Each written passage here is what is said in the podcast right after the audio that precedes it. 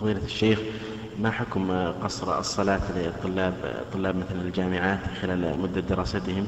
وهل ينطبق إذا كان لهم حق القصر على رخصة الفطر في رمضان أم لا؟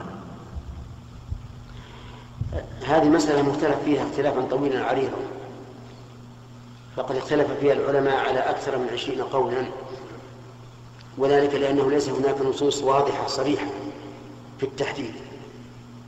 وإذا لم يكن هناك نصوص واضحة صريحة في التحديد فالأولى يبقى النصوص على عمومها.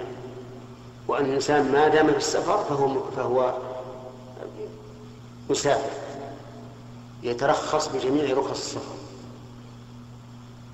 حتى وإن أقام لغرض يعرف أنه ينتهي في المدة الفلانية أو لغرض متى انتهى رجع ولا يدري متى ينتهي فالصواب أن البابين أن البابين حكمهما حكمهما واحد. وأن من أقام لغرض متى انتهى رجع إلى بلده فإنه مسافر سواء حدد المدة أم لم يحددها. إذ ليس هناك نص في أن تحديد المدة ينقطع به السفر. لكن يقول إن المقيمين للدراسة يجب عليهم أن يصلوا مع الجماعة إذا كانوا في بلاد إسلامية ولا يحل لهم التخلف عنها باعتبار أنهم مسافرون لأن المسافر لا تصرف عنه الصلاة صلاة الجماعة. ولا صلاة الجمعة أيضا ما دام في البلد الذي تقام فيه الجمعة. لكن لو فاتتهم الصلاة أو كانوا في في مكان ليس حوله مساجد وصلوا فلهم القصر على ما نرى أنه القول الصحيح. ومن قال إنه ليس لهم القصر فعليه الدليل.